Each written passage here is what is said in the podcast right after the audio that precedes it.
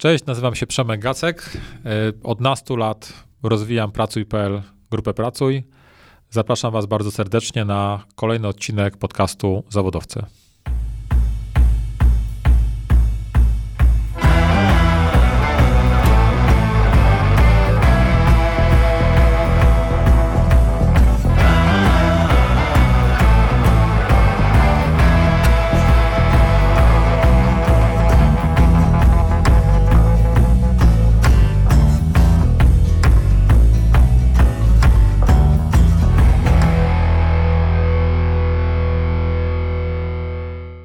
Przemku, witam cię serdecznie w kolejnym odcinku podcastu Zawodowcy. Witam Karolu, bardzo mi miło.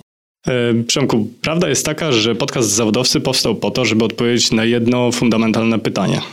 Dlaczego ludzie robią to, co robią? I ciekaw jestem bardzo, i coraz większej ilości osób i gości zadaje to pytanie na początku. Czy pamiętasz może jakiś okres w swoim dzieciństwie albo w młodości, kiedy miałeś wyobrażenie na temat tego, kim zostaniesz albo co będziesz robił? E, wiesz co, jak miałem 5-6 lat, byłem jeszcze w przedszkolu, to pamiętam, że e, wtedy musieliśmy się przebierać. No, ja bardzo chciałem być czołgistą. mój, mój ojciec akurat był żołnierzem zawodowym, więc miałem dostęp do jakichś takich różnego wiesz, wyposażenia, więc do tej pory pamiętam, jest to jedno z moich ulubionych zdjęć, mhm. gdzie dostałem czapkę czołgisty i dumnie przebrany jeszcze w jakiś taki harcerski strój, paradowałem na jakiejś imprezie naszej przedszkolaków i powiem ci, że to jest taka chyba, jak tak się mnie zapytałeś, to to jest takie moje pierwsze wspomnienie, jeżeli chodzi o to, kim chciałbym być. A potem chyba długo była jedna wielka dziura i po prostu robiłem różne rzeczy w życiu. Mhm. Możemy się cofnąć do powiedzmy czasów, kiedy byłeś licealistą. Jak wtedy wyglądały, wiesz, twoje pomysły? Miałeś jakieś wyobrażenie właśnie na temat tego, co będziesz robił po szkole tej średniej? W, jakie wybierzesz studia? Jak to wyglądało? Ja zawsze jakoś taki miałem w głowie taką chęć robienia czegoś. I pamiętam do tej pory, że zanim jeszcze poszedłem do liceum, to w szkole podstawowej grałem w piłkę nożną. Więc poszedłem do jakiejś takiej, przeniosłem się z jednej szkoły do drugiej i po jednym roku stworzyli taką klasę sportową, gdzie graliśmy w piłkę nożną. Oczywiście ja mam prawie 2 metry wzrostu, więc nie jest to chyba najlepszy wzrost do tego, żeby grać piłkę nożną, ale nikt nie mógł mi tego wyporsadować wtedy. Mhm. Potem oczywiście zacząłem rosnąć, pojawiła się kontuzja i tyle zostało z tej piłki nożnej, więc zacząłem się uczyć, dzięki czemu dostałem się do miarę dobrego liceum w Warszawie. Mhm. I będąc w liceum, ja cały czas szukałem, co mogę robić. I taką moją pierwszą pracą, którą zacząłem robić, to było malowanie firmy moich rodziców.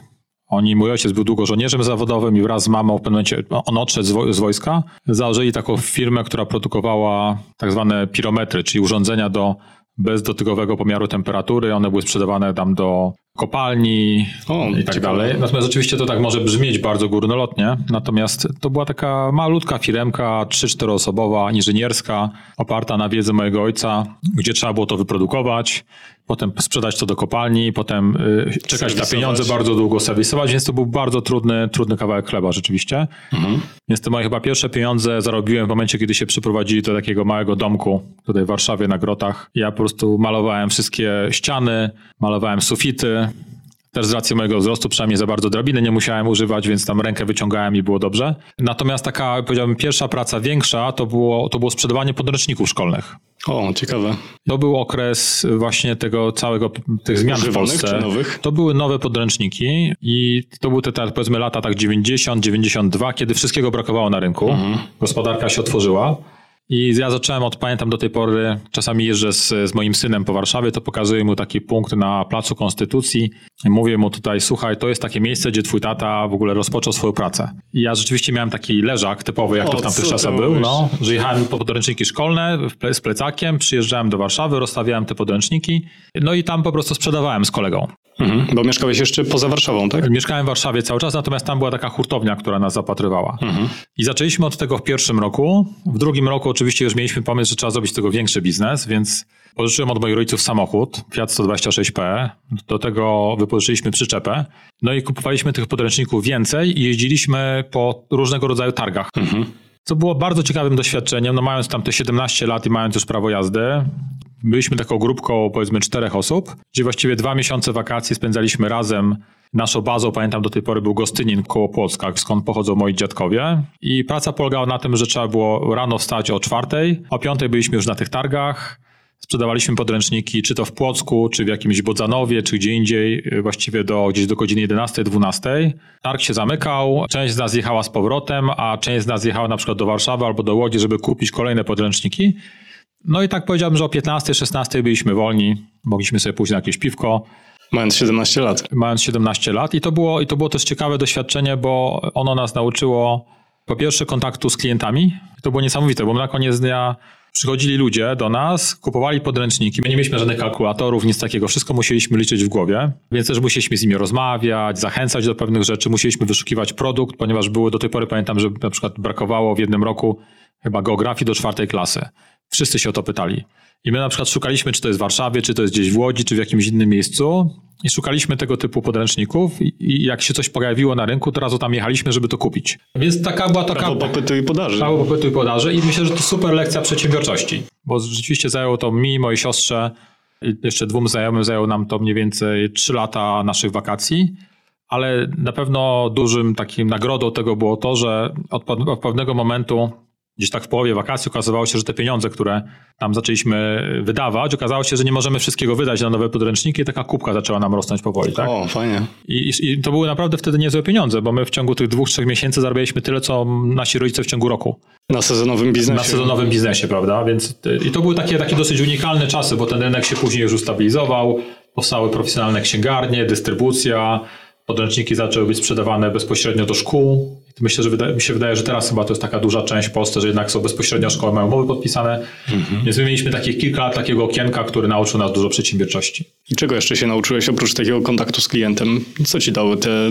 doświadczenia? Bo to byliście całkowicie bez wcześniejszych jakichś, wiesz, przetarć w biznesie. Trochę mi przypomina, przepraszam, że, że wtrącę, ale trochę mi przypomina ta historia, historię Garego Wajnaczuka, który opowiadał, że handlował zawsze tymi kartami futbolowymi. No ja myślę, że to było, e, znaczy oprócz tego kontaktu z klientem, to też była kwestia takiej, które poznania znaczy własnych ograniczeń, tak? ponieważ w jednym roku mieliśmy taki pomysł jeszcze większy, że otworzyć taką mini hurtownię w ogóle naszą, i zatrudniliśmy kilkoro naszych znajomych, którzy jeździli na różne inne targi, a po czym okazało się, że jeden z nich nas oszukał na przykład. Więc to też była taka weryfikacja trochę tego, że jak robisz z kimś biznes, to jednak mimo wszystko nie wszystkie osoby, z którymi pracujesz, są do końca uczciwe i warto pracować z tymi, z którymi się chce pracować. Świetne doświadczenie jak na 17-latka. Bardzo dobra. No i potem było liceum, tak? I to było liceum, tak? I więc w momencie, kiedy skończyło się liceum, e, zdawałem na studia. To też jest taka przygoda ciekawa, bo ja, y, o ile powiedzmy, dostałem się do liceum bardzo dobrego, do Staszica w Warszawie, wtedy to jeszcze nazywało się Gottwald.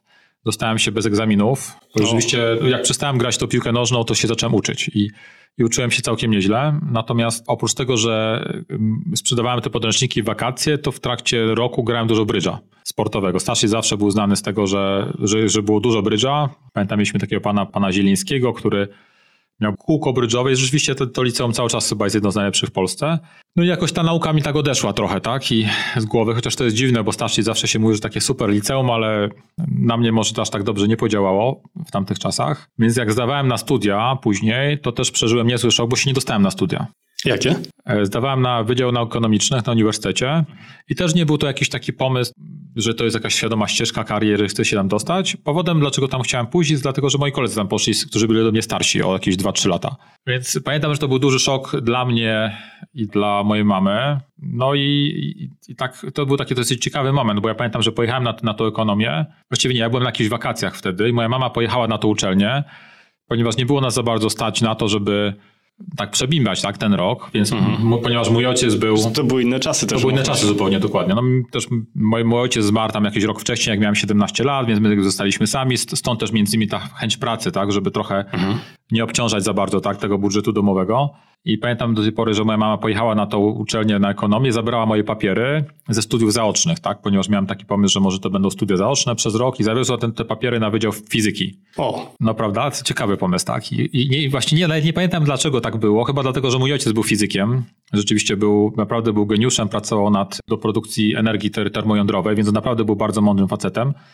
To były studia dzienne, nie trzeba było za nie za bardzo płacić, więc tak sobie pomyślałem, że przy, przy, przez ten rok zostanę na tej fizyce, i, a potem wrócę z powrotem ewentualnie na tą ekonomię. Mhm. Jak ona tam pojechała, to okazało się, że już zamknęli zapisy, więc już było za późno, więc tego samego dnia wróciła z powrotem na tą ekonomię i jako tam kobieta z jakąś czekoladką porozmawiała z z osobami na miejscu i tak wybłagała, żeby te, że tak jakby tych dokumentów nie zabierała w ogóle stamtąd. I udało się? No i udało się rzeczywiście, tak udało się i ja rzeczywiście przez, przez rok studiowałem zarówno zaocznie, jak i na studiach dziennych. Co nie było takie łatwe i myślę, że to była niezła szkoła pokory. mówisz y, zaocznie i na studiach dziennych tak, znaczy ekonomię? Ekonomię, i... właśnie to była ekonomia tylko. Czyli ja byłem na studiach zaocznych na ekonomii, ale też była taka wtedy możliwość. Teraz nie wiem, czy coś takiego istnieje, że jeżeli się poszło do konkretnego profesora, to mogłeś chodzić, to mogłem chodzić na zajęcia dzienne, tak? Rozumiem. Więc to było takie, które za każdym razem trzeba było pójść, wybłagać. No tak jak powiedziałem, duża szkoła pokory. Ale udało się, tak? Udało się po pierwszym roku i także po pierwszym roku mogłem się przenieść, ale ja też jeszcze raz zdawałem na studia po tym pierwszym roku, więc już się bez problemów dostałem i od razu trafiłem na ten drugi rok. Więc można powiedzieć, że żadnego roku nie straciłem, ale miałem rzeczywiście ten jeden rok, kiedy Musiałem naprawdę zakasać rękawy. Pokazać na co cię stać. Pokazać na co mnie stać. Do tej pory pamiętam, że takim bardzo trudnym przedmiotem była analiza matematyczna. I jak dostałem, i po to, żeby się przenieść na drugi rok, trzeba było mieć zaliczone wszystkie przedmioty. I dostałem jakby, on był po prostu, ten egzamin tam wymiatał wszystkich w ogóle. Pamiętam analiza matematyczna i statystyka. Dla mnie po prostu najgorsze rzeczy do przejścia. Ja pamiętam, że dostałem, egza, dostałem egzamin, dostałem właśnie chyba tą najgorszą ocenę i, byłem załamany. Po czym jak usiadłem tam jeszcze, zacząłem liczyć te punkty, okazało się, że ten profesor się po prostu pomylił w punktach, więc okazało się, że mnie chyba trzy zam... pomylił się na niekorzyść, mhm. więc jak do niego poszedłem po pięciu minutach, przejrzał i dał mi chyba trzy z minusem. To też pokazuje, że trzeba sprawdzać, tak? Akurat, bo każdy się może przy okazji pomylić, tak? Mhm. Więc to był taki, powiedziałbym, taki dosyć newralgiczny moment przejścia z, z liceum do, na, na studia.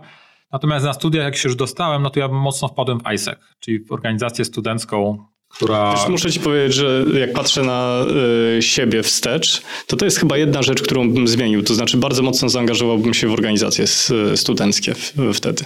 Ale przepraszam, wracamy do ciebie. Nie, to był, to, bo to był rzeczywiście fajny moment wtedy. Tak? Polska nie była jeszcze w Unii Europejskiej, bo to był tak powiedzmy druga połowa lat 90. No tak, to 96, 7 Tak, rok. tak, tak. Było mało możliwości wyjazdów za granicę, więc ten ISEC był taką fajną, fajnym miejscem, gdzie można było rzeczywiście podziałać, spotkać różnych ludzi, ale tak jak ci powiedziałem wcześniej, ja taki zawsze miałem i mam chyba do tej pory taki trochę gen, ja to nazywam społecznikowskim, czyli nie potrafię tak siedzieć po prostu i nic nie robić, tylko lubisz coś organizować, zorganizować stworzyć, spotkać ludzi, połączyć na przykład i to i, i staram się z reguły taką jedną przynajmniej rzecz w swoim życiu mieć, tak nawet jeżeli Później w kolejnych latach to może być nie wiem, wyjazd z jakimiś tam kolegami czy znajomymi raz w roku, na przykład na Formułę 1, którą kiedyś tam jeździliśmy więcej, może teraz znowu wrócimy, zobaczymy. Więc tak staram się coś takiego zorganizować, tak i lubię to po prostu robić. Co dał ci ISEC w takim razie? ISEC był super szkołą, gdzie myślę, że popełniłem mnóstwo, mnóstwo błędów. I to nie były błędy kosztowne. I to były, nauczyłem się po pierwsze na pewno zasad prezentacji, to prezentacji w języku polskim i w języku angielskim, bo też jakby na początku gdzieś tam działałem na takim gruncie warszawskim, potem miałem taki epizod, przez rok byłem, e, czy przez dwa lata byłem trenerem międzynarodowym. Do tej pory pamiętam, że pojechaliśmy na przykład do Egiptu na takie szkolenie, to nazywało się to Train the Trainer. I, i tam trzeba było prezentować szkolenia w języku angielskim, stworzyć je w małej w grupie, zaprezentować do tej pory pamiętam to moje pierwsze szkolenia, które musiałem po angielsku zaprezentować i, i szczerze mówiąc, no to tremę miałem niesamowitą. Więc to dało dużo takiej, może nie komfortu, tak, bo ja cały czas zawsze, jak coś prezentuję, no to jednak czuję taki pewnego rodzaju stres, natomiast dało to pewnego rodzaju warsztat, jeżeli chodzi o prezentowanie. Na pewno bardzo fajnym rozwiązaniem było to, że ISEC uczył tego, w jaki sposób pracować w zespołach z ludźmi, którzy nie zarabiają pieniędzy. Mhm. Bo dla idei trochę. Dla idei trochę, tak. I to jest, myślę, że to jest dużo trudniejsza motywacja, że ci ludzie muszą być po prostu zaangażowani, a nie tak jak w większości firmie, że na przykład przychodzą do pracy, ponieważ zarabiają pieniądze. Mhm. I to było bardzo ciekawe. I oczywiście też się nauczyłem, też popełniłem różnego rodzaju błędy, gdzie wiem, zachowywałem się niewłaściwy sposób, kogoś tam beształem przy innych osobach na przykład, czy nakrzyczałem na kogoś przez telefon, ale na koniec dnia, tak jak, się, jak na to patrzyłem po pewnym czasie, czy rozmawiałem z ludźmi i oni mówili, co myślą na mój temat, to, to widać było, że są pewne rzeczy, które działają, są pewne rzeczy, które nie działają.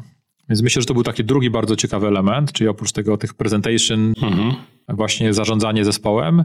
I też myślę, że to dało mi takie dużo komfortu, jeżeli chodzi o kontakty takie i, i międzynarodowe, i w ogóle ze współpracy z ludźmi, bo ja na przykład nie miałem nigdy takiego poczucia, że ktoś jest na przykład jakimś, nie wiem, prezesem firmy czy dyrektorem i myślę, jak że się do niego odezwać. Jak się do niego odezwać. Także w. Polsce jednak jest takie bardzo taka, jest pewnego rodzaju taka hierarchia, tak właściwie, że ma się duży szacunek czy respekt lub miało się kiedyś 14 lat temu.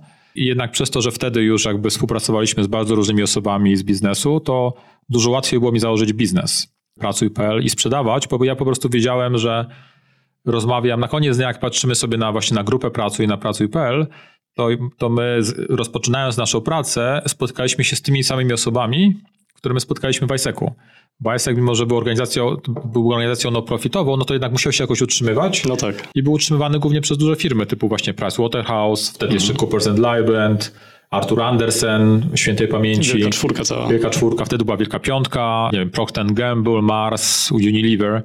To były te firmy, do których my jako ISEC wychodziliśmy. Rzeczywiście, masz rację, że zrobiłeś sobie takie kapitalne przedpole do tego, żeby potem móc e, odezwać się i wyjść z ofertą komercyjną. Tak, i to było, e, ja to oczywiście nie wiedziałem o tym wcześniej, tak? Natomiast ja, to, ja taką mam teorię, nazywam to teorią puzli. E, wiem, że e, Steve Jobs ma teorię kropek, kropek. prawda? Więc ja to kiedyś, zanim jeszcze poznałem ja jego teorię... bardzo lubię tą teorię kropek. Fajna jest, nie? I też później zastanawiałem się nad tym, co mi co, co, mi co dało na przykład, tak? Więc powiedziałem ci przed chwileczką o tym, co dał mi ISEC. Natomiast na przykład pierwsze moje takie, i to też ciekawe, na przykład w ISEC-u w 96 roku ja byłem takim szefem organizacji Dni Kariery w Warszawie. Więc to już było w tym obszarze. Pamiętam, że jak byłem na praktyce w Procter Gamble w 97 roku, to takim moim dużym projektem, którym się zajmowałem, było stworzenie takiego, to się nazywało Przewodnik dla planujących karierę. 97 rok i to była taka publikacja, która powstała na bazie materiałów właśnie Procter Gamble, która była, została wysłana do 30 tysięcy studentów 4-5 e, roku uczelni wyższych w Polsce mhm. i co ciekawe, została wysłana do nich na ich prywatne adresy domowe. To jest niesamowite to, że udało nam się wtedy rzeczywiście poprzez współpracę właśnie z ISEC-iem czy bezpośrednio ze szkołami uzyskać te adresy i wysłać do nich do domu jeszcze, tak? Mhm.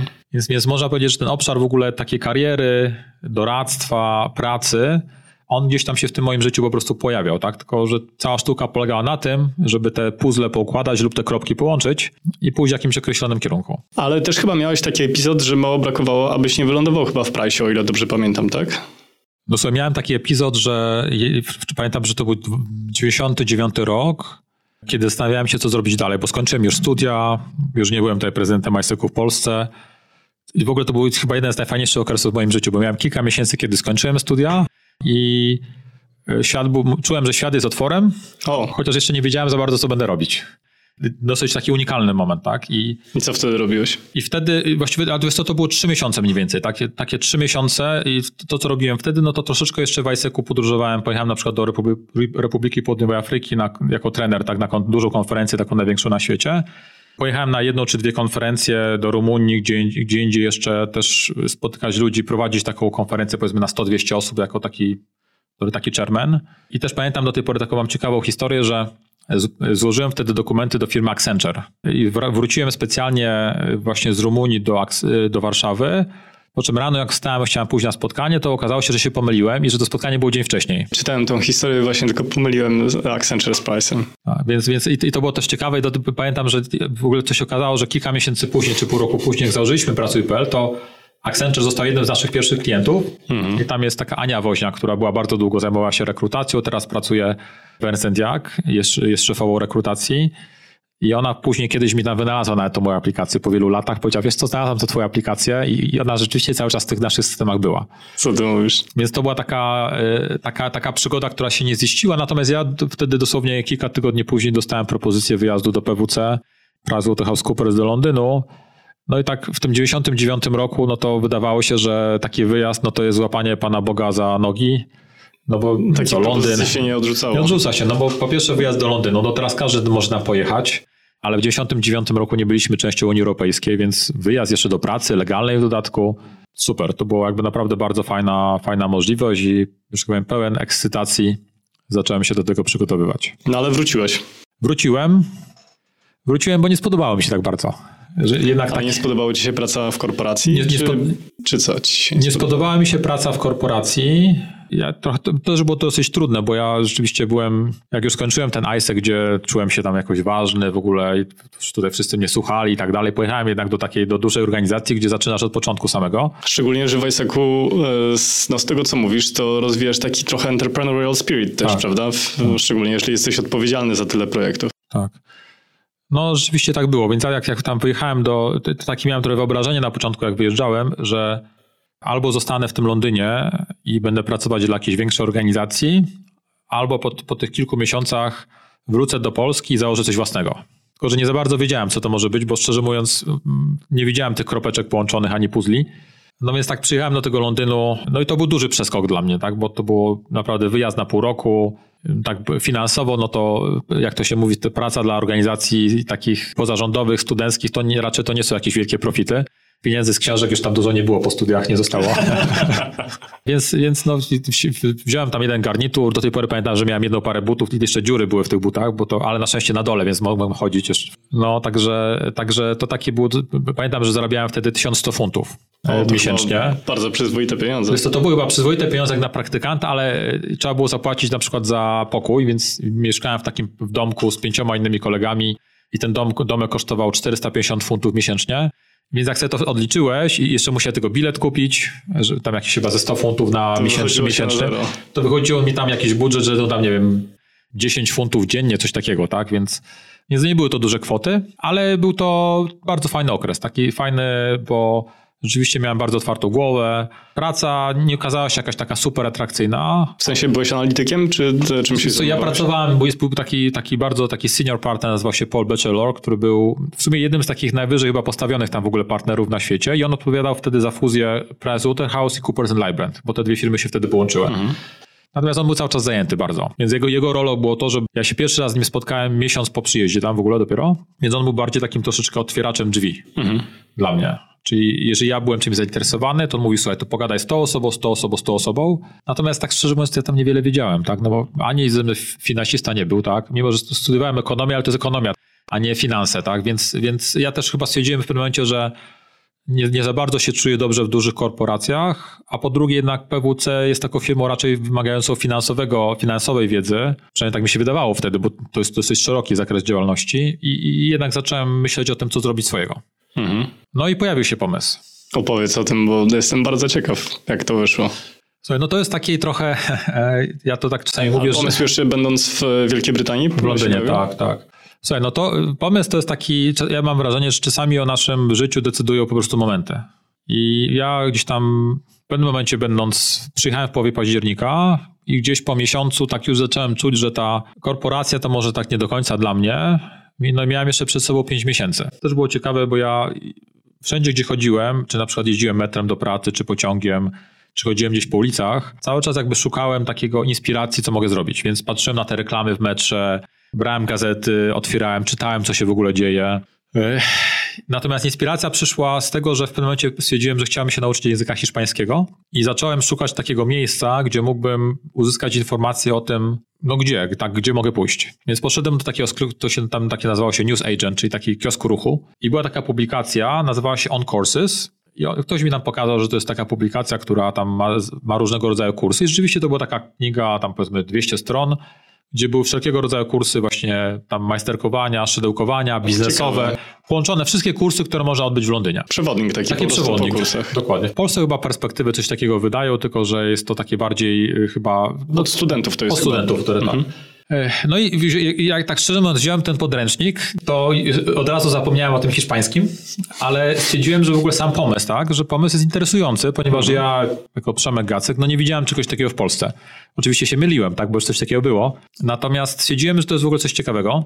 Następnego dnia przyszedłem do, do pracy, więc pierwsza rzecz, którą zrobiłem, to, to otworzyłem sobie książkę i tam było napisane, że wydawcą do tej pory pamiętam była firma Mike's Elms International, więc zadzwoniłem do nich i powiedziałem, że jestem tutaj, że pracuję, no, trzeba było się podeprzeć tym brandem, tak? że tak. pracuję w PWC i że chciałbym porozmawiać tam z panem Mike'em Elmsem albo Jeremy Huntem. Ciekawe. No, i, Szpiegostwo przemysłowe. Takie trochę tak, trochę tak. I, I ku mojemu zdziwieniu ta pani, z którą rozmawiam, od razu mnie połączyła i połączyła mnie właśnie z tym Jeremy Huntem. No i powiedziałem mu, słuchaj, tak powiedziałem tam coś tam, hello sir, tak, że ja tutaj pracuję w takiej firmie, w ogóle bardzo mi się ten pomysł spodobał, który, który mają i czy mógłbym ewentualnie przyjść i porozmawiać na temat rozwoju tego pomysłu w Polsce. No i ku mojemu zdziwieniu kolejnemu Jeremy powiedział, okej. Okay. No, więc, więc pojawiłem się, pamiętam, u nich tydzień później. Oni mieli biuro w dzielnicy Hammersmith, która była taką w ogóle historycznie dzielnicą, gdzie dużo Polaków rzeczywiście mieszkało. Mhm. No i poszedłem do tego biura, spotkałem się z tym Jeremy. On tak na mnie. Popatrzył na ciebie. Popatrzył na mnie o co chodzi. Natomiast było ciekawe dla mnie to, że on pokazał, bo co się okazało? Okazało się, że oni wydają publikacje i wydawali publikacje na temat kursów, ale też mieli publikacje na temat kariery dla studentów i absolwentów wyższych uczelni. Ciekawe. Czyli mieli publikacje różne, ale mieli też strony internetowe. Czyli powiedzmy, jak była publikacja, to każda publikacja miała odzwierciedlenie w internecie i z reguły by to były te same informacje, które zostały po prostu przełożone do Tak, internetu. tak, tak, Taki katalog trochę, tak Mhm. można powiedzieć. No i tak jak zacząłem to oglądać, to powiedziałem Jeremiemu, że ten pomysł mi się podoba i umówiliśmy się, że wrócę do niego po jakimś półtora miesiącu, miesiącu, półtora, bo to był, pamiętam, koniec listopada e, 99 roku i powiedziałem, że chciałem zrobić jakieś badanie w Polsce, takie, mm, które Są- pokaże, czy jest w ogóle zapotrzebowanie na ten temat. Wysądować. Wysądować trochę rynek. Bo model biznesowy był taki, że Jeremy sprzedawał po prostu po- powierzchnię reklamową. Dokładnie tak. I ja tak trochę, wiesz, nie, nie orientowałem się na początku, co w tym wszystkim chodzi, tak? Natomiast to, co zrobiłem, to wykorzystałem te moje kontakty z ISEC-u i s- po pierwsze sam stworzyłem taki kwestionariusz z jakąś taką metryczką i napisałem do osób, tam chyba siedmiu czy ośmiu osób, osób znajomych, czy mogliby zrobić podobną ankietę, e, konkretną ankietę na uczelniach. No i okazało się, że rzeczywiście to zrobili. Ja na początku stycznia 2000 roku dostałem jakby informację zwrotną z ich strony, połączyłem sobie te dane i okazało się, że to były takie trochę czasy, że w ogóle penetracja internetu była gdzieś na poziomie jakieś chyba 10-12%, więc była, było bardzo szybko. Natomiast y, okazało się, że jeżeli chodzi o studentów, że tam chyba trochę ponad 20% studentów korzysta już w ogóle z internetu przy poszukiwaniu informacji o pracy i karierze i że tam jakieś chyba 30 czy 40% wierzy w to, że to będzie w ogóle medium przyszłości. Ja nie szukałem osobiście, Trochę natomiast... to brzmi jak science fiction, nie? Trochę tak, no, trochę brzmi jak science fiction. No ja wtedy, no miałem na koniec dnia te dane takie, które się pokazały i stwierdziłem, no to jak mam te dane, no to trzeba chyba coś zrobić w tym kierunku, tak? No nie wiem, co z tego wyjdzie. Zawsze myślałem, że może stworzyć taką, jak zawsze mówiłem, stworzyć fajną firmę, gdzie będzie pracować może 5-10 osób, będziemy coś razem wspólnie robić. Mhm. Taki Isaac Biz, nie? mniej więcej, przedsiębiorcze. No i pojechałem właśnie do Jeremiego z powrotem, porozmawiałem z nim, powiedział, słuchaj, oczywiście zapytałem się go, czy mógłbym tutaj, że chętnie otworzę taką firmę, tylko że potrzebuję pieniędzy. Oczywiście on powiedział, że żadnych pieniędzy mi nie da. I, a równolegle to, co zrobiłem w Polsce, to spotkałem się do tej pory, pamiętam, z trzema osobami, które znałem jeszcze właśnie z ISEC-u. I do każdej z nich pojechałem i powiedziałem, słuchajcie, mam taki pomysł, że chciałbym coś takiego, taką publikację wydać w Polsce i również stworzyć stronę internetową. No i czy bylibyście zainteresowani tym, żeby ze mną taką współpracę, żeby po prostu być moim partnerem? Bo jakoś tak od zawsze wierzyłem w to, że jak coś się robi, to robi się to wspólnie. Oczywiście teraz z perspektywy czasu mówimy o tych komplementarnych umiejętnościach i tak dalej, natomiast Wtedy to czułeś. to czułem, czułem po prostu, dokładnie. Dwie osoby powiedziały nie, natomiast jedna z nich, Rafał Szczepanik, powiedział tak. I my z Rafałem stworzyliśmy rzeczywiście bardzo fajną taką mieszankę. Już nie mówię nawet wyglądowo, bo ja, tak mówię, mam prawie dwa metry, a Rafał jakiś tam metr 50 w kapeluszu. Natomiast ja byłem taki bardziej, rzeczywiście myślałem bardziej długofalowo, kontakty z klientami, dobre relacje, a Rafał był, on był wtedy, był taki magazyn w ogóle w Polsce, nazywał się Businessman Magazine i on pisał jako redaktor do tego magazynu. Więc miałem kogoś, kto mógłby wziąć odpowiedzialność za stworzenie takie merytoryczne tego typu przewodnika. No więc m- można powiedzieć, no my z Rafałem założyliśmy spółkę 7 lutego 2000 roku. Spółka nazywała się wtedy Communication Partners. To też był pomysł Rafała, no, że mieć nazwę taką z angielska, prawda? No bo jak masz nazwę po angielsku, my w ogóle wtedy pisaliśmy, że No jesteśmy nie, tutaj... były zupełnie inne czasy. czasy. No. My pisaliśmy, że jesteśmy oddziałem takiej firmy międzynarodowej, w ogóle właśnie Migrant International z Londynu, więc to były takie, dzięki temu, że tak pisaliśmy, to mogliśmy brać te same pieniądze, tylko że powiedzmy w, tam w euro czy w Tak. funtach, a nie w złotówkach. Więc to nam na pewno bardzo, na bardzo, bardzo mocno pomogło. Spędziłem też trochę czasu wtedy z Jeremiem, byliśmy u kilku klientów, on mi trochę pokazał, na czym jakby to jego działalność po, polega. Jeremy miał udziały w tym przedsięwzięciu, Tak, które bo tak- zrobiliście w, w Polsce. Tak, my się z nim umówiliśmy w ten sposób, że na zasadzie gentleman agreement, że jeżeli nam to wyjdzie, to oni będą mieć kilkanaście procent udziału w, w tej spółce.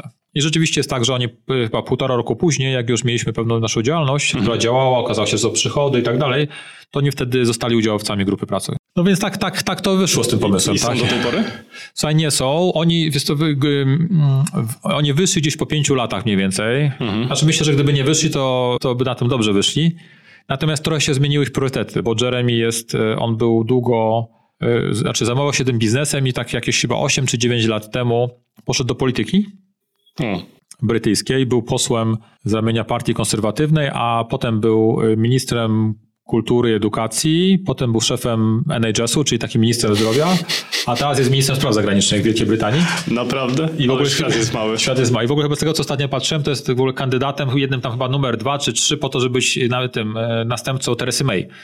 Jak patrzę się na różnego rodzaju takie rankingi akurat. Żartujesz. No także on tak został dużą szychą w, w, w Anglii. Mhm. I też miałem w ogóle super Friday, bo, bo my jesteśmy w kontakcie cały czas. Więc nawet ostatnio było takie, o, było to spotkanie a propos Iranu w Polsce, co taki ten nasz su- sukces w cudzysłowie dyplomatyczny. I przyjechał do Warszawy, więc napisałem do niego jakiegoś maila wcześniej i spotkaliśmy się następnego dnia. Nie było łatwe, trzeba było się przebić przez tamte kordony różnych Mhm. policji i tak dalej. Natomiast w ogóle się nie zmienił, więc porozmawialiśmy. On bardzo dobrze pamięta grupę pracy i zawsze nam Co mówisz? życzy. To też zawsze była taka dla mnie taka ciekawa nau- czy nauczka, ale taka lekcja, że nigdy nie wiadomo z kim się robi biznes tak właściwie, tak? No bo jednak nasze życie jest coraz dłuższe. Ludzie są w jednym biznesie, potem w drugim biznesie, może ktoś pójść do polityki, do jakiejś organizacji pozarządowej, więc myślę, że to jest taka fajna historia, tak? Że mamy takiego kibica Wielkiej Brytanii, który. Gdzieś tak cały czas- Możliwe, że będzie premierem. który możliwe, że będzie premierem, tak? No dobrze, ale wróćmy do tych początków i do waszej firmy, bo przecież nie byliście od razu portalem internetowym. Mieliście te strony i mieliście swój katalog, ale jak dobrze pamiętam tamte czasy, to pracy szukało się kupując gazetę wyborczą. No słuchaj, trafiłeś. To, był, to, był, to były ciężkie czasy, tak? No. Ja pamiętam, w ogóle to jest dla mnie, wiesz co, też taka trochę prawda zmiany naszych czasów, bo ja pamiętam gazetę wyborczą, szczególnie w poniedziałki, to kupowałeś, ta gazeta miała, wiesz, 3 cm grubości. Ja pamiętam, że w takim szczytowym momencie to było chyba ze 180 stron. Tak. To było co, słuchaj, no to była jedyna droga, żeby znaleźć sensowną pracę, no bo Tak. oprócz tego miałeś ogłoszenia drobne, tak? Tak, no bo nie było nikogo, tak? No była Gazeta Prasa, gdzie miała te takie pełno, pełnowymiarowe ogłoszenia, niesamowicie drogie i tam na końcu mieli też tylko te takie tam a jakieś takie mniejsze rzeczywiście, tak? No i to, to można powiedzieć, że to był monopolista, tak? Który właściwie miał... Do, pewnie- dokładnie, no przecież jeżeli szukałeś pracy, no to kupowałeś gazetę, tak? Tak, i to też sobie to jest ciekawe, bo oni się zawsze ogłaszali, szukasz pracy, szukaj w poniedziałek. Bo oni w poniedziałek wychodzili. Tak, to było dokładnie. niesamowite, bo my wtedy jak zaczęliśmy działać, to okazywało się, że poniedziałek był tym dniem, kiedy Polacy szukają pracy. Że- Że w ogóle najwięcej użytkowników zdecydowanie przez cały tydzień wchodziło właśnie w poniedziałki. Mhm. A u, u nas akurat, bo jak patrzysz na przykład na Wielką Brytanię, to tam oni z reguły w weekendy mają takie dodatki. O, nie? I tam, tam jest dużo więcej osób, które wchodzi, wchodzi później. Tak, Ale to myślę, że zasługa naprawdę w gazety i tego, tego tak, dodatku. tak zdecydowanie. No ale wracając, jest sytuacja taka, że e, jest gazeta, która na dobrą sprawę jest monopolistą. I jesteście wy z waszym katalogiem kursów. Słuchaj, no to, to jest trochę tak, że my tak chyba w ogóle jak zakładaliśmy Pracuj.pl, to tak nawet nie do końca wiedzieliśmy, kto na Szczerze. tym rynku gra. Słuchaj, Kto, to- kto na tym rynku gra, No. bo, bo my w ogóle na samym początku powiedzieliśmy sobie, że chcemy, żeby nasz serwis, y, chcieliśmy być skierowani do... Przepraszam, mam jeszcze No. takie pytanie. Jak wymyśliłeś, wymyśliłeś sobie ten pomysł na te katalogi z ofertami kursów i materiałami dla, dla studentów, to zrobiłeś to na zasadzie biznesplanu, policzyłeś e, cyfry i tak dalej, czy po prostu czułeś, że to może być coś, co przyniesie ci w długiej perspektywie e, zysk? To wiesz co, no musiałem, musiałem jakiś plan zrobić, tak? ponieważ nasz, my nie mieliśmy za bardzo pieniędzy na to. Mhm. Musiałem policzyć, czy zrobić jakiekolwiek założenia pod kątem tego, ile jesteśmy w stanie sprzedać, powiedzmy, reklam w tym naszym przewodniku, no bo to też był ten 2000 rok, to były takie czasy, że w ogóle nikt nie chciał w tym internecie za nie spłacić, bo Znaczy, nikt, nikt tego nie rozumiał. nikt tego nie jeszcze, rozumiał no. jeszcze, prawda? Więc jedynym takim źródłem potencjalnie przychodów to była ta nasza publikacja. No i oczywiście zrobiłem założenia, tak? Takie tam w Excelu typu co, jakie będą przychody, jakie będą koszty, no wszystko robiliśmy rzeczywiście tak bardzo low costowo. Finansowałeś to sam? To My mieliśmy taki nasz, y, my z, z Rafałem wyciągnęliśmy 4000 zł na początku. To były takie trochę nasze jakieś tam, nie wiem, zaoszczędzone pieniądze, a potem po jakichś 3-4 miesiącach, bo szukaliśmy na początku inwestora, zresztą miałem takiego kolegę, który potencjalnie był zainteresowany, żeby zainwestować 40 tysięcy złotych za chyba 40% udziałów, ale potem jakoś tak stwierdził, że to może nie będzie inwestycja, to może będzie jakaś pożyczka. No i my się wtedy strasznie wkurzyliśmy y, z Rafałem. I nie tylko, bo wtedy już były dwie osoby, które z nami pracowały dodatkowe, Maciek Noga i Oksana, wtedy Krzyżowska, teraz Świerczyńska. I Maciek y, y, po prostu poszedł do swojego ojca. I ten jego ojciec, pamiętam, że Maciek wtedy... pieniądze. Tak, i Maciek wtedy chyba dostał 10% za 40 tysięcy złotych, co do, do tej pory mówisz, że to była jedna z jego najlepszych, chyba najlepsza inwestycja w życiu. I, I to były takie pieniądze, które nam jakiś tam kapitał na, na, na początek tworzyły, że to, że to w ogóle jak patrzysz na skalę, to my zaczęliśmy działać tak naprawdę od 1 lipca 2000 roku, kiedy mieliśmy nasze jakieś takie miarę mini biuro i przychody w pierwszym roku to było niecałe 400 tysięcy złotych, tak? Więc to była taka mniej więcej y, skala. W drugim roku to było około 900 tysięcy złotych i to były pieniądze, które musiały nam wystarczyć na Na druk, dystrybucję. na druk, dystrybucję i wszystko to robiliśmy tak bardzo, na, naprawdę bardzo low costowo, tak? Czyli jak wynajęliśmy taki domek na Grotach w Warszawie, to tam było nasze biuro, a ponieważ ja byłem jedyną osobą z Warszawy, a wszystkie po- pozostałe osoby były z południa, czyli tam powiedzmy Będzin, nie wiem, Gliwice, to oni na przykład dojeżdżali, do, czy znaczy mieszkali w Warszawie, Rafał, mój partner, dojeżdżał i oni po prostu spali na, powiedzmy, na, na drugim piętrze tego budyneczku, tam były takie trzy pokoiki. Jasne. Ja dojeżdżałem autobusem, bo jeszcze nie mieliśmy samochodu żadnego, więc dojeżdżałem sobie tam ode mnie z domu, z, z Bemowa. Więc było to naprawdę takie na, na zasadzie byle przetrwać. Bo to, że jest ciekawe o tyle, że my kilka lat temu taką książkę przeczytałem ciekawą, nazywa się Customer Funded Businesses. I my rzeczywiście byliśmy taką firmą, która poszła do klientów i ponieważ my mieliśmy wiarygodność z ISEC-u, to klienci nam po prostu zaufali. OK, jesteśmy w stanie wziąć udział w waszej publikacji, ale na przykład do tej pory pamiętam, jestem strasznie wdzięczny firmie, tak jak powiedziałem, no, Rest in Peace, tak, Artur Andersen, która dawno temu przestała istnieć. To był, pamiętam, pierwszy nasz klient. I do tej pory pamiętam Małgosia Tomasik, z którą się później znaliśmy przez wiele lat i znamy. Do tej, pamiętam, że pojechałem z moją mamą nad, nie, wracałem z moją mamą z nadmorza samochodem. Pamiętam, że nie zadzwoni do tej pory gdzieś koło Elbląga, ona zadzwoniła i powiedziała, słuchaj, okej, okay, wchodzimy w ten, w ten interes, tak? I to pamiętam, że było chyba 35 tysięcy złotych, co było w ogóle jakoś taką kwotą, które, wiesz, jakieś niewyobrażalną dla nas, no. no bo to były te, wiesz, te brytyjskie stawki, nie, nie tam tak. nie polskie, ale no po prostu byłem przeszczęśliwy i pamiętam do tej pory, że jak ona zadzwoniła, to było jakoś właśnie w czerwcu, to pamiętam, że 1 lipca sam w Excelu wystawiałem fakturę, drukowałem, pojechałem na pocztę, zadresowałem, wysłałem, a potem pod koniec miesiąca dzwoniłem, bo to były te duże firmy, które miały dłuższe terminy płatności.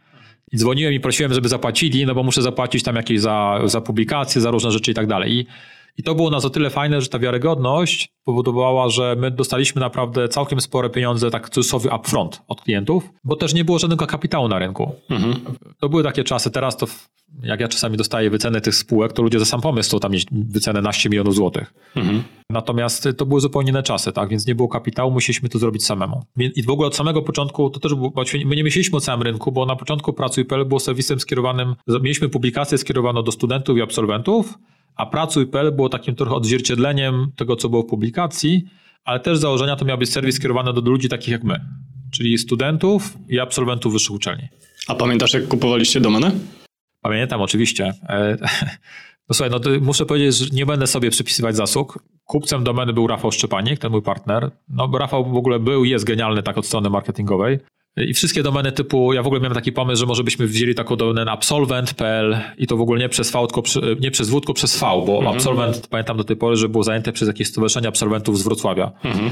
A Rafał mi napisał, że to jest w ogóle, że to jest beznadziejna nazwa i on znalazł taką domenę, nazywa się pracuj.pl. Mhm. I on w ogóle już kupił na, na, siebie. Co ty mówisz? No i Rafał, to, co mi się podobało Rafała, to jest to, że Proaktywność. Rafał po prostu, jak trzeba było coś zrobił, to on to robił na wczoraj. Mhm. To było genialne i to byliśmy, byliśmy naprawdę takim byliśmy super zespołem, bo ja dużo myślałem, planowałem, tworzyłem oferty i później sobie robiłem listę, do kogo pójdę, komu sprzedam, a Rafał w tym czasie jakby ogarniał cały ten temat i domeny, nazwy firmy.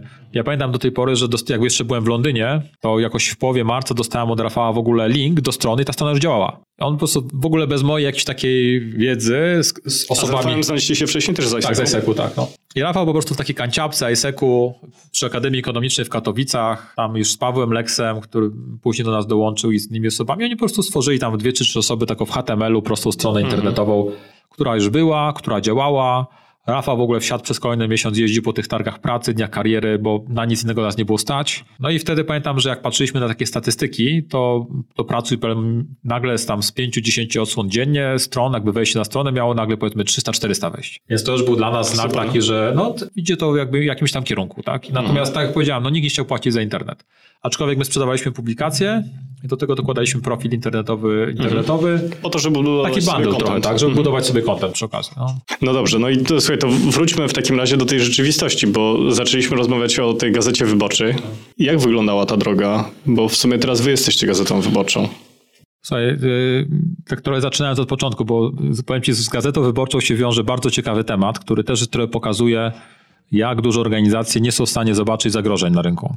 My w tym 2000 roku wydaliśmy, oprócz tego, że mieliśmy Pracuj.pl, to wydaliśmy naszą publikację pierwszą, która nazywała się Pracodawcy. Mhm. I słuchaj, ja do tej pory nie wiem jak, ale Rafał miał takie kontakty i on załatwił patronat Gazety Wyborczej. Gazety Praca. I słuchaj, i to było niesamowite, bo my po prostu mieliśmy, słuchaj, wtedy było tak, że jak ktoś chciał zaistnieć w ogóle w świecie pracy, to musiał się reklamować w Gazecie, Gazecie Praca. Pracy, tak? oczywiście. A my to, co robiliśmy, to, ja, to było niesamowite dla mnie. My przez chyba cztery wydania Gazety Praca, w październiku, listopadzie, jak wydaliśmy naszą publikację, to na głównej stronie Gazety Praca był taki artykuł, to było napisane, że tutaj firma Communication Partners wydała publikację tam dla 50 czy tam 20 tysięcy studentów. Do, do dystrybucji jest w takich a takich miejscowościach. Więcej informacji na www.pracuj.pl. I wy to dostaliście za darmo? Dostaliśmy za darmo. Niesamowite. Ale na koniec dnia to też dla mnie to było niesamowite, bo my z tych powiedzmy 200-300 stron, czy wejść na stronę dziennie, nagle skoczyło nam na jakieś wiesz co, 5 tysięcy czy 10 tysięcy dosłownie w ciągu, w ciągu dnia, nie? Mhm. Ponieważ my wtedy, wiesz, nie było inwestorów za bardzo w Polsce, wszystko robiliśmy samemu, to nagle się okazało, że w ogóle ta akcja, którą z nimi zrobiliśmy, to nagle spowodowała, że my z takiego, wiesz, nie wiem, no z kogoś, kto nie istnieje za bardzo na rynku, okazało się, że Pracuj.pl się pojawił, tak? I, I, to było, powiem Ci, niesamowite. Ja też tak z perspektywy czasu właśnie patrzę na to, że na koniec dnia, bo oczywiście Agora próbowała do nas wiele razy podchodzić, przyszłość, potem tak mhm. przez kolejne lata próbowali nas kupić, walczyć z nami i tak dalej. Natomiast w jakimś sensie Wiesz, to były takie czasy, kiedy oni... się trochę... I trochę ignorancji tak właściwie. Mhm. I, I, oni nas wtedy mogli, wiesz, czapką przykryć. Mhm.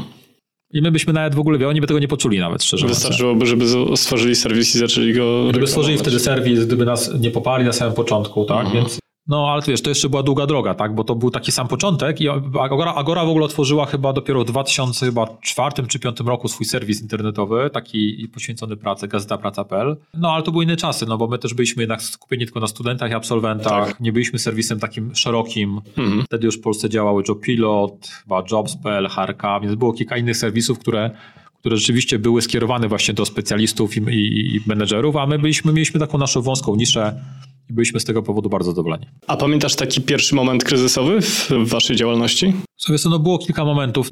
Pierwsze to była kwestia w ogóle przepustowości, bo w tamtych czasach, wiesz, nie było takiego szybkiego internetu jak teraz, nie było takiej technologii, więc my w ogóle M- przez pierwsze... Mówisz o przepustowości od strony waszej, od tak? strony strony naszej, tak? Mhm. Więc, więc wiesz, teraz się mówi o tym, że tam, nie wiem, 30 sekundy, tak, i strona musi się załadować, jak nie, to, to słabo działa. Natomiast, no to były takie początki trochę tego internetu, się, wszyscy, wszyscy się tego uczyliśmy, nie mieliśmy pieniędzy, Pierwszą stronę w ogóle nam stworzyła firma z Wrocławia, Zresztą też założona przez Ajsekowców kiedyś. Internet Designers? Internet Designers, dokładnie. No. Marek Losa. Marek Losa, dokładnie. I oni nam stworzyli tą stronę. Taka bo... ciekawa dygresja. Wiesz co, ja miałem taką sytuację, że zdawałem właśnie na studia, na Akademię Ekonomiczną i projektowałem też strony internetowe. Hmm. I Marek Losa rekrutował mnie do Internet Designers i ja bym u nich zaczął pracować, bo już złożyli mi e, propozycję, tylko że wybrałem studia dzienne. To może być pracował nad jakimiś, wiesz, naszymi stronami ewentualnie też. No. Także z nimi rzeczywiście zaczęliśmy, bo oni byli w ogóle najtańsi z wszystkich ofert. No ja pamiętam doskonale, oni mieli siedziby jeszcze w rynku w, nad Biblioteką Wojewódzką. W takich malutkich, malutkich tak. pokoikach. No.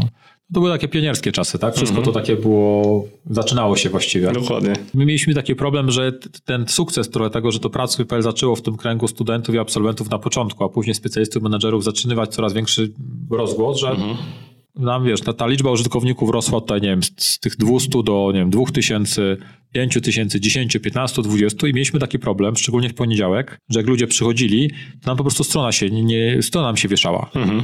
Bo technologia, w której to było, pisane, było napisane, po prostu nie, nie wydalała tego, tak? Więc, więc oni tam kombinowali, przepisywali. I pamiętam, że przez pierwsze 5 lat właściwie takiego najszybszego wzrostu, no to my cały czas bawiliśmy się w kotka i myszka. I najbardziej chyba pamiętam takie jedno wydarzenie, ponieważ porwaliśmy się kiedyś na tak zwane wirtualne targi pracy. Mhm że w momencie, kiedy to razem właśnie z nimi zrobiliśmy, z Internet Designers, pierwszego dnia no, po prostu strona zupełnie przestała działać, tak? Nic nie działało. Więc pamiętam, że Paweł Lex, który zajmował się właśnie technologią, chyba wtedy posiwiał w ogóle w ciągu jednego dnia prawie, znaleźli jakieś rozwiązanie, co z tym zrobić, natomiast y, no, słabo to wyglądało. Dopiero pamiętam w 2005 roku, kiedy wprowadziliśmy w ogóle tam, przeszliśmy na rozwiązanie dotnetowskie z Microsoftem i tak mhm. dalej, to od tego momentu można powiedzieć, że nie mamy problemów, jeżeli chodzi o, o, o stronę internetową. Więc to był taki jeden moment, taki, taki który był powiązany z wydajnością, natomiast no, też takim chyba najtrudniejszym momentem dla nas to nie był sam początek. Ja, ja w ogóle na samym początku przez te pierwsze lata my w ogóle byliśmy jakoś tak uskrzydleni tym, że się szybko rozwijamy, że są nowe rzeczy, że jesteśmy kreatywni, że cały czas coś tworzymy. Poza tym jak firma ma 10, 15, 20 osób, to też nie czujesz takiego dużego obciążenia, tak, właściwie y, emocjonalnego. I chyba takim największym naszym kryzysem to był 2009 rok, czyli ten duży kryzys, który przyszedł. Bo my wtedy mieliśmy działalność w Polsce, kupiliśmy biznes na Ukrainie, trzy lata wcześniej byliśmy też w Rosji, tam jakby serwis od początku zbudowaliśmy.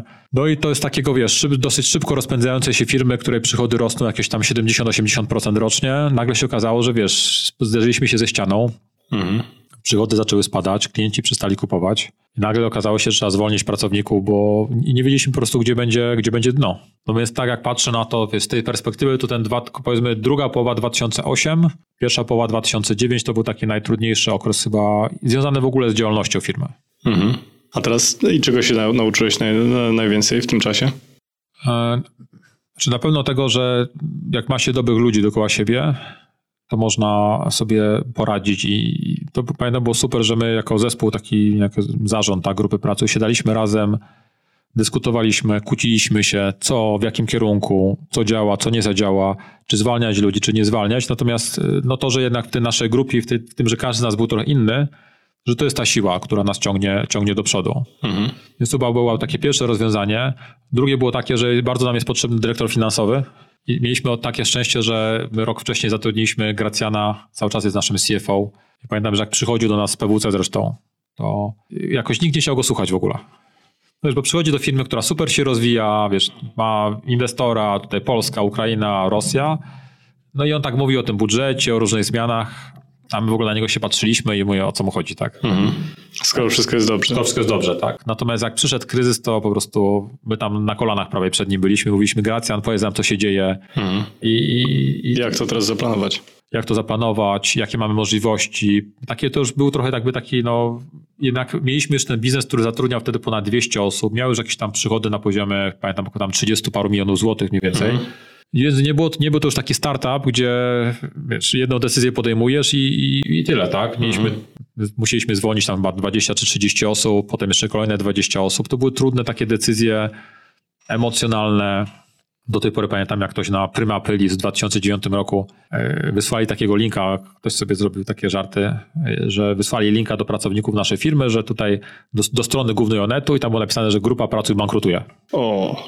No więc ja, ja w ogóle byliśmy, i, to, i w ogóle moja mama do mnie zadzwoniła, bo też moja mama tutaj przez kilka lat była główną księgową, więc zadzwoniła do mnie, w ogóle płakała przez telefon prawie, że co się dzieje w ogóle, co się dzieje z firmą. Co ty mówisz? No, może być, że był taki fake news, tak? Taki fake news, tak. No tak może no. że taki fake, tylko w latach, w roku 2009. Ale to było opublikowane rzeczywiście na Onecie? Nie, to był taki, ktoś sobie zrobił Aha, tutaj u nas, naszych ludzi, taki wiesz, link, można było wejść. No. Oczywiście to był no, żart prima aprilis na koniec dnia, tak? Mhm. Tylko, że wiesz, no nie było nam za bardzo do śmiechu, bo tak, to był tak.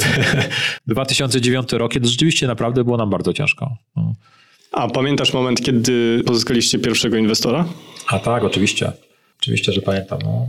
Opowiesz o tym, jak wyglądała ta sytuacja, w sensie co, na, na jakim etapie byliście wtedy i, i, jak to się wydarzyło? No to jest, myślę, że to jest sytuacja nie z tej, nie z tej ziemi w ogóle. Prawda jest taka, że w sumie mieliście kilku inwestorów, prawda? W... Mieliśmy, mieliśmy no taki można powiedzieć, że pierwszym był ten, to Hot Courses, tak, z Anglii i Jeremy. Później mieliśmy e-Catalyst, którego prowadził James Van Berg. James później stworzył Benefit Systems, więc też mhm. myślę, że całkiem dobra, dobra historia. E, więc to był taki, powiedziałbym, drugi nasz inwestor. Natomiast my rzeczywiście tak od 2005 roku zaczęliśmy dostawać dużo różnego rodzaju takich zapytań. Propozycji. Propozycji, no bo nagle się okazało, że mamy coraz większe przychody, że ten, ten ruch, trafik nam rośnie. I, ale jakoś tak nie do końca wiedzieliśmy, co z tym zrobić, tak? Bo też nie byliśmy na takim etapie, że potrzebowaliśmy pieniądze. Mhm. I, I, kiedyś pewnego dnia zadzwonił do mnie mój kolega, który pracował w McKinsey'u mhm. i powiedział, że jest tu taki inwestor ze Stanów, który generalnie chciałby ze, ze, ze mną porozmawiać. No więc kolega dzwoni, wiesz jak to działa, no. nie? No dobra, mogę porozmawiać, no. tak? I wtedy rzeczywiście zadzwonił do mnie Lee Fixel, on z firmy Tiger Global. Ani o Tigerze nie słyszałem, ani o nim nie słyszałem. No i zaczęliśmy rozmawiać. No, te jego pytania brzmiały rzeczywiście mądrze i zapytał się, no, czy bylibyśmy zainteresowani tym, żeby zainwestować w naszą spółkę. Więc poszedłem wtedy do moich partnerów i to był też taki rzeczywiście moment, kiedy my zaczęliśmy myśleć o tym, czy przypadkiem nie chcielibyśmy, bo zawsze marzyliśmy o tym, żeby nasza firma była firmą międzynarodową. Mhm. I wtedy ten wschód nam się pojawił, tak? Czyli właśnie ta Ukraina, Rosja. I zaczęliśmy zastanawiać się nad tym, czy nie warto by rzeczywiście wziąć troszeczkę kapitału i kupić kogoś na wschodzie. Mhm. No więc y, siedzieliśmy, rozmawialiśmy, powiedzieliśmy sobie, no może jeszcze nie teraz, ale może strzelmy jakąś taką kwotę zupełnie z kosmosu, to się może odczepią na jakiś czas, tak? I rzeczywiście pamiętam, że miałem kola, no, że miałem kola z Lee, on mówi, tam rozmawiamy, potem mówi, no słuchaj, to jak to wygląda? Mówię, wiesz co, przy takiej wycenie możemy to zrobić. Nie? I to rzeczywiście była taka wycena, która dla nas była zupełnie w ogóle, wiesz... Kosmiczna. Kosmiczna. A on w ogóle powiedział, po, po, po sekundzie powiedział, okej, okay, nie ma problemu. I tak szczerze mówiąc, jak już tak powiedział, no to... Pamiętasz tą kwotę?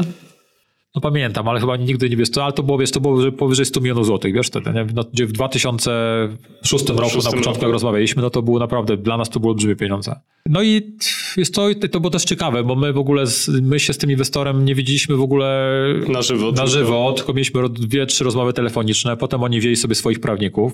My na początku myśleliśmy, że to sami zrobimy, ale to nas szybko przerosło, więc też wzięliśmy prawników za porodą właśnie Jima Vanberga. Mhm. I to była chyba jedna z najlepszych naszych decyzji, bo pamiętam, wzięliśmy wtedy tam właśnie dobrą kancelarię prawniczą i też mieliśmy dobre pozycje negocjacyjne, bo oni bardzo chcieli, mhm. a my tak na koniec zamówiliśmy, że w sumie, w sumie jak, się uda, musimy, to jak się uda, to dokładnie, jak się nie uda, to się nic wielkiego nie stanie. Więc do tej pory powtarzam, że mieliśmy chyba najlepszą umowę inwestycyjną na świecie, dlatego nam tak było trudno pożegnać tych, ten, ten Tiger po, po 10 latach mniej więcej. Mhm. No i oni w ten sposób wiesz, się pojawili u nas, dali nam kapitał na Ukrainę, więc kupiliśmy tam robotę, dali nam też kapitał na rozwój w, w Rosji. Mhm.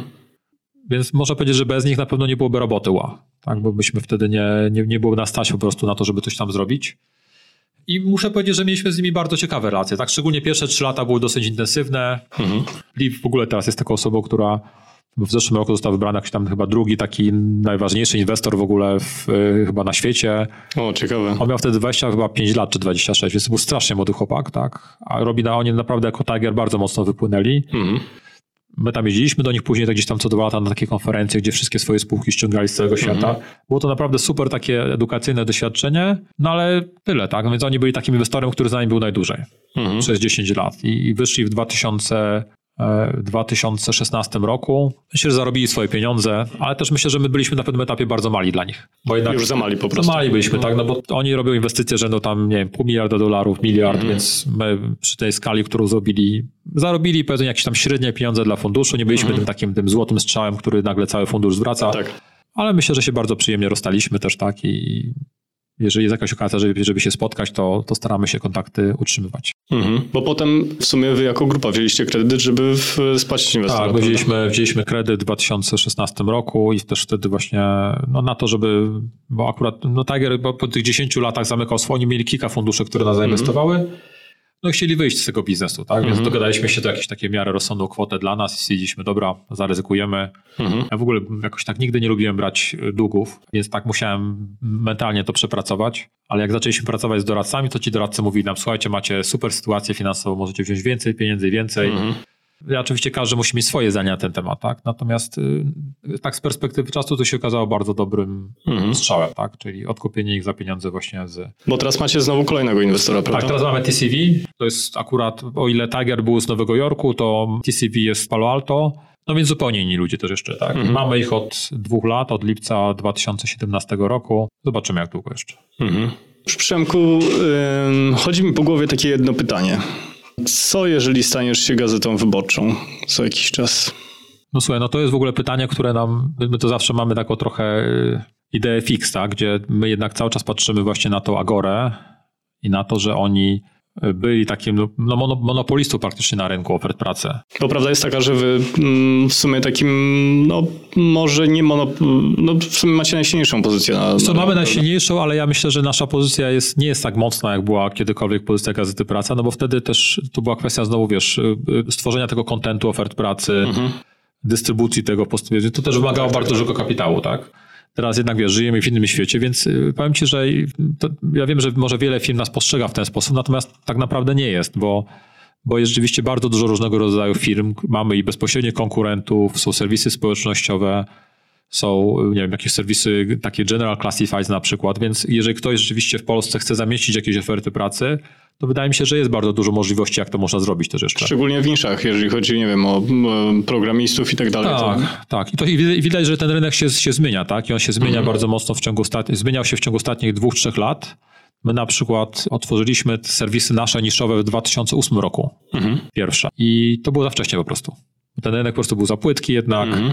Też ten rynek się bardzo zmienił w ciągu ostatnich dwóch, trzech lat, bo jeszcze te, te, te kilka lat temu można powiedzieć, że Pracuj.pl było, wiesz, nie było potrzeby ogłaszać się gdziekolwiek indziej. Natomiast ponieważ ten, ten podaż pracowników jest tak tak niska, mhm. więc jak jest tam jakaś osoba, która pracuje, nie wiem, w rekrutacji i przychodzi szef i mówi sobie daj mi, daj mi pracowników, to rzeczywiście te budżety rekrutacyjne bardzo mocno wzrosły. Mhm. Więc, więc szczerze mówiąc z punktu widzenia takiego osoby, która zajmuje się HR-em czy rekrutacją, to masz tam pracuj.pl, Masz jakieś być może serwisy branżowe, masz agencje rekrutacyjne również, masz bezpośrednie dotarcie na uczelnie, dni kariery różnego rodzaju, więc y, wydaje mi się, że jest dosyć dużo narzędzi, tak? W jaki sposób, jak można, w jaki sposób można poszukiwać pracowników. Więc to chyba nie było ich i nie ma, tak? Znaczy, myślę, że nie, nie będzie takiej sytuacji, jak kiedyś było z gazetą Praca, że, że nagle jest jeden gracz, który nie wiem, kontroluje cały rynek, tak? I oczywiście duża część naszych klientów to są jednak te white collars, tak? Czyli to osoby, specjaliści, menedżerowie.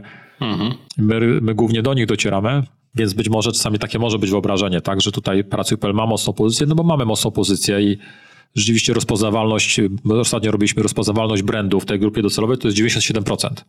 Więc to jest bardzo dużo rzeczywiście. Oczywiście. Tak? No. No, ale, ale, cały czas szukamy, tak? Szukamy, bo, bo my też uważamy, że nic nie jest dane na zawsze.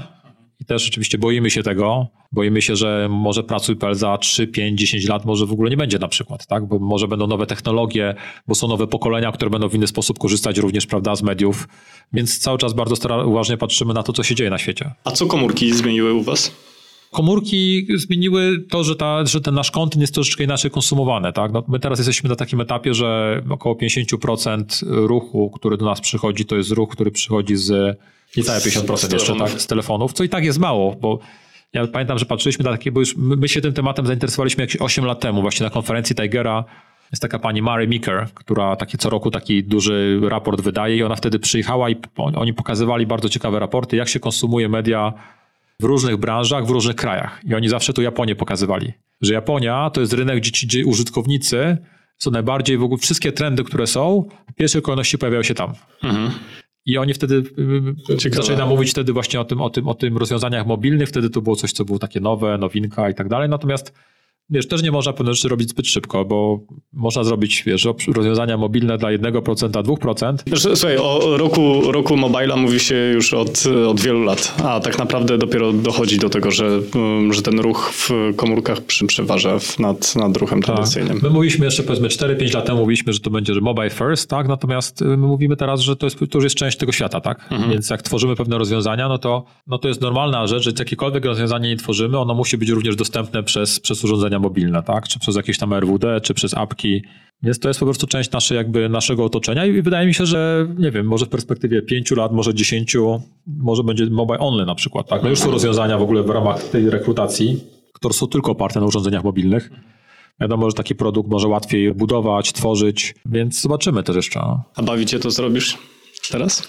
Bawi mnie to, i, bo ja to też zawsze mówię, że jednak ja od 19 lat w jakimś sensie mam tą samą rolę, tak? Czy jestem prezesem zarządu spółki. Mhm. Spółka się trochę zmienia i, i na koniec dnia to jest wiele różnych działalności.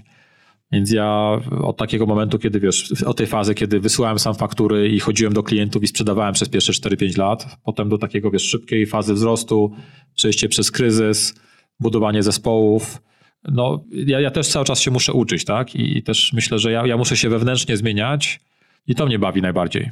Bo po prostu z, racji zmiany roli, z racji tego, że mamy ludzi, którzy są lepsi ode mnie w wielu aspektach, to ja muszę im dawać więcej przestrzeni, a niekoniecznie wchodzić tam z jakimiś moimi butami i mówić, zadawać im pytania, co to, a co to, a po co to akurat, tak? Więc to wymaga dużej, na przykład teraz jestem na takim etapie, że ja muszę się trochę bardziej powstrzymywać, Sporo zmian zaszło w ogóle w ciągu ostatniego pół roku, tak? bo zawsze mówiliśmy, że mamy takich pięciu, sześciu co-founderów firmy, z czego połowa z nich była w zarządzie grupy Pracuj, natomiast już w tym zarządzie nie są. Ja jestem ostatnią osobą, która została e, z tych takich założycieli w zarządzie. To są osoby, które cały czas w ramach grupy pracują, na tej zajmują się innymi obszarami, natomiast jeżeli chodzi o takie bezpośrednie zarządzanie, to oni jakby z tym mają nie do czynienia i też awansowaliśmy trochę młodszych ludzi w organizacji. Czyli tych, którzy mają właśnie najwięcej energii, chęci, Super. pomysłów, tak? I ja chyba jestem na takim etapie, że, że to też jest ważne, żeby po prostu mieć dobrych ludzi w organizacji, którzy w przyszłości, a dla mnie to jest oczywista ścieżka, tak, że pewnie za jakieś tam parę lat przejdę do rady nadzorczej i tak dalej, żeby byli ludzie w organizacji, którzy w sposób w miarę płynny, tak, przejmą zarządzanie tą organizacją również. A chcesz stworzyć jeszcze coś nowego zupełnie? To moja żona cały czas mi o tym mówi. Mówi, Przemek, słuchaj, ty powinieneś stworzyć coś nowego. Chyba nie mam na tym, znaczy na tym etapie od strony biznesowej e, nie mam takiej potrzeby. Rzeczywiście mnie bardzo kręcą takie różne nowe pomysły, natomiast e, kiedyś sobie zadałem pytanie, czy, bo to znaczy stworzyć tak pewne rzeczy, czy, czy to znaczy, że zostawić grupę pracy i stworzyć coś zupełnie od początku? Są takie osoby, które są, tak, są takimi seryjnymi, seryjnymi przedsiębiorcami. Prawda? Przychodzą tak. 5 lat, zbudują coś i do kolejnego pomysłu. Ja taką osobą nie jestem. Ja chyba jednak y, cenię taką trochę, po pierwsze przewidywalność, a po drugie to, że na koniec dnia, zawsze myślałem o tym, żeby mieć taką firmę kilkuosobową z fajną kulturą organizacyjną, gdzie mi się chce przychodzić do pracy, to teraz mam taką firmę, która ma kilkuset pracowników i gdzie też mi się chce przychodzić do pracy. Więc ja wolę chyba nie patrzę na to, że trawa jest zielona bardziej w tym ogródku obok, tylko staram się doceniać to, co mam. A jeżeli chodzi o nowe pomysły, tak, no to wydaje mi się, że zarówno w ramach tej naszej działalności grupy pracy jest dużo takich, rzeczywiście dużo rzeczy się dzieje w ogóle na rynku teraz. Więc myślę, że tutaj jest bardzo dużo ciekawych rzeczy, które możemy zrobić. A z drugiej strony ja wiesz, to też jakby osobiście ja i moi tam co-founderzy grupy Pracuj, no my też jesteśmy zaangażowani w finansowanie w ogóle ekosystemu. I my gdzieś tam, nie wiem, Hedgehog, który tam powstał, nie wiem, 7 czy 8 lat temu mniej więcej, tak, który mm. prowadził Marcin Zabielski, czy teraz Market One Capital, to są takie projekty, które jednak inwestują sporo pieniędzy we wspieraniu tego ekosystemu w różne, i to jest na przykład, to nam daje też dużo frajdy, tak, mm. że mhm nie wiem, takie spółki właśnie jak, nie wiem, znany lekarz, jak Audioteka, nie wiem, Versum, Prepla i różnego rodzaju biznesy, w które jesteśmy zaangażowani jako, jako właśnie fundusz inwestycyjny, ale również ja staram się własne pieniądze inwestować, tylko też jest zawsze taka limitowana grupa spółek, bo nie, mogę poświęcić wiem, jeden dzień w roku na przykład na spotkania z tymi ludźmi, tak? albo mhm. porozmawiać czasami przez telefon, pomóc w jakimś finansowaniu i to też jest fajna rzecz i to mnie, to mnie właśnie też kręci, żeby wiedzieć po prostu jak ludzie trochę podążają podobną ścieżką. Mhm. Masz jakieś wyobrażenia na temat tego, co Voice może wnieść w, w przyszłości? A ogólnie czy do rekrutacji? Słuchaj, ogólnie i do rekrutacji tak samo. Tutaj jest bardzo szerokie zagadnienie. Dla mnie e, szczególnie ważne i szczególnie mnie interesujące. I ciekaw byłem, na ile ty patrząc z perspektywy i inwestora, który szuka różnych e, możliwości rozwoju, a także z, z perspektywy właściciela grupy Pracuj, co myśli o, o tych inteligentnych głośnikach. No ja myślę, że w ogóle jak tak patrzę na 10 lat do przodu, to ja mam takie wyobrażenie, że za te 10 lat ludzie nie będą wchodzić na stronę internetową, tylko będą, nie wiem, ja jako Przemek na przykład, tak, czy ty jako Karol, jak będziesz szukać pracy, czy ktokolwiek z naszych znajomych, to będzie po prostu powie tam hi Alexa, czy hi Siri, czy kto, jakiekolwiek imię inne i powie, słuchaj, chciałbym znaleźć pracę, i to jest jakby, czyli to jest kwestia komunikacji jakby takiej głosowej, natomiast już ten cały system będzie miał dostęp do bardzo dokładnych danych na nasz temat, czyli będzie wiedział, że ja mam, nie wiem, 45 lat, że lubię to, tego nie lubię, że tu miałem ciekawe doświadczenia, czy będzie wiedział pewnie o mnie więcej niż ja wiem sam o sobie, a z drugiej strony będzie miał dostęp do danych na temat pracodawców, na temat ich kultury pracy, opinii różnego rodzaju, kto tam pracuje jeszcze, czy są nasi znajomi, czy nie. I będzie w stanie w ciągu tam, nie wiem, paru sekund, czy tam paru minut te dane przeanalizować. Jak ja powiem, Siri, znajdź mi robotę, to na po minucie powie, słuchaj, okej, okay, Przemek, znalazłam ci pracę. Pierwsza praca to jest to, druga to jest to, trzecia to, czwarta to, piąta to. Mhm. I możemy sobie rozmawiać, tak? I nawet być może powiem, okej, okay, no dobra, to wyślij moje zgłoszenie, albo połącz mnie na przykład z kimś tam, tak? Więc mi się wydaje, że jest to, że jak ja w ogóle sobie myślę, taki idealistyczny sposób o tym, gdzie będzie rekrutacja kiedyś w przyszłości, to myślę, że tam, natomiast no do tego, żeby to się spełniło, to też trzeba, trzeba mnóstwo danych mieć, prawda? No bo to jest kwestia analizy tych danych, i oczywiście możemy sobie oglądać tam te prezentacje Google, jak tam gdzieś dzwonisz do manikurzystki czy do hairdressera, tak? I, i chcesz coś umówić, to fajnie brzmi. Natomiast ja myślę, że to jest chyba taki kierunek przyszłości. Oczywiście nie dla wszystkich. No bo powiedzmy, że pokolenia X czy X to będą chciały z komputera korzystać, Y być może też, ale nie wiem, pokolenia naszych dzieci, jak będą szukać swojej pierwszej pracy, to w ogóle nawet nie będą... Nie wyciągały telef- komputera, tylko... Tylko będą rozmawiały na przykład, tak? Więc mi się wydaje, że chyba w tym kierunku to będzie podążać. My nie mamy chyba ambicji, żeby jakby na, na nasze systemy takie y, voice, y, voice'owe budować, no bo od tego masz tych dużych graczy. My teraz właśnie odpaliśmy no dwa tygodnie nie, temu nasz... Nie chodzi o to, żeby budować system, bo Korzystać Alexa Google będzie niezależnie, ale można środowisko w tym systemie. Tak, tak, tak. Więc myślę, że to w tym kierunku będzie podążać i wydaje mi się, że chyba dużo firm będzie w tym obszarze eksperymentować, tak? Natomiast to pewnie ty jesteś ekspertem od tego, skoro rozmawiamy. Zobaczymy. Ciekaw, ciekaw jestem bardzo, jak to, jak to wszystko wpłynie. No jedno jest pewne, że sposób, w jaki będziemy wchodzili w interakcję z e, technologią będzie absolutnie różnił się od tego, który mamy teraz. Też mi się wydaje, że są różne branże, tak? Ja tak zawsze na przykład patrzyliśmy, pytałeś się mnie o ten mobile, to już 8 lat temu, jak pokazane były branże, gdzie ten mobile będzie miał największe wykorzystanie, to na przykład obszar careers pracy był ostatni. Naprawdę, że na, na topie to był oczywiście e-commerce, tak? Mhm. Ale to było zawsze, zawsze ciekawe, że to po prostu ta nasza branża jest, w której my działamy, jest, to nie jest branża, która jest pionierem na przykład pewnych rozwiązań, tak? Więc, więc zobaczymy. No. Myślę, że tak samo z tym voice'em, tak? Że są teraz, no, na razie możesz sobie tam z to rozmawiać, możecie puścić muzykę, być może możesz coś gdzieś sami kupić. No. Więc mi się wydaje, że to się będzie bardzo dużo działo cały czas. Mam jeszcze do ciebie takie pytanie. Gdybyś miał teraz wyobrazić sobie taką sytuację, czego oczywiście tobie nie, nie życzę, ale budzisz się następnego dnia tylko i wyłącznie z twoimi doświadczeniami, bez kapitału, mhm. co byś zrobił? Gdybyś miał zacząć całkowicie od zera. Nie masz grupy pracuj, nie masz kapitału i musisz wymyślić coś całkowicie nowego. Chyba, chyba gdyby tak było, to poszedłbym taką trochę utartą ścieżką, pojechałem do Londynu na trzy miesiące i bym szukał po prostu. Może nie w Londynie, może wiesz co, może w Monachium, może w Warszawie. Mówisz, szukałbyś inspiracji? inspiracji, wiesz, chyba pomysłów, tak mi się wydaje, także to jest takie podchwytliwe pytanie, słuchaj, nie masz kapitału. No kapitał jest ważny jednak teraz, tak?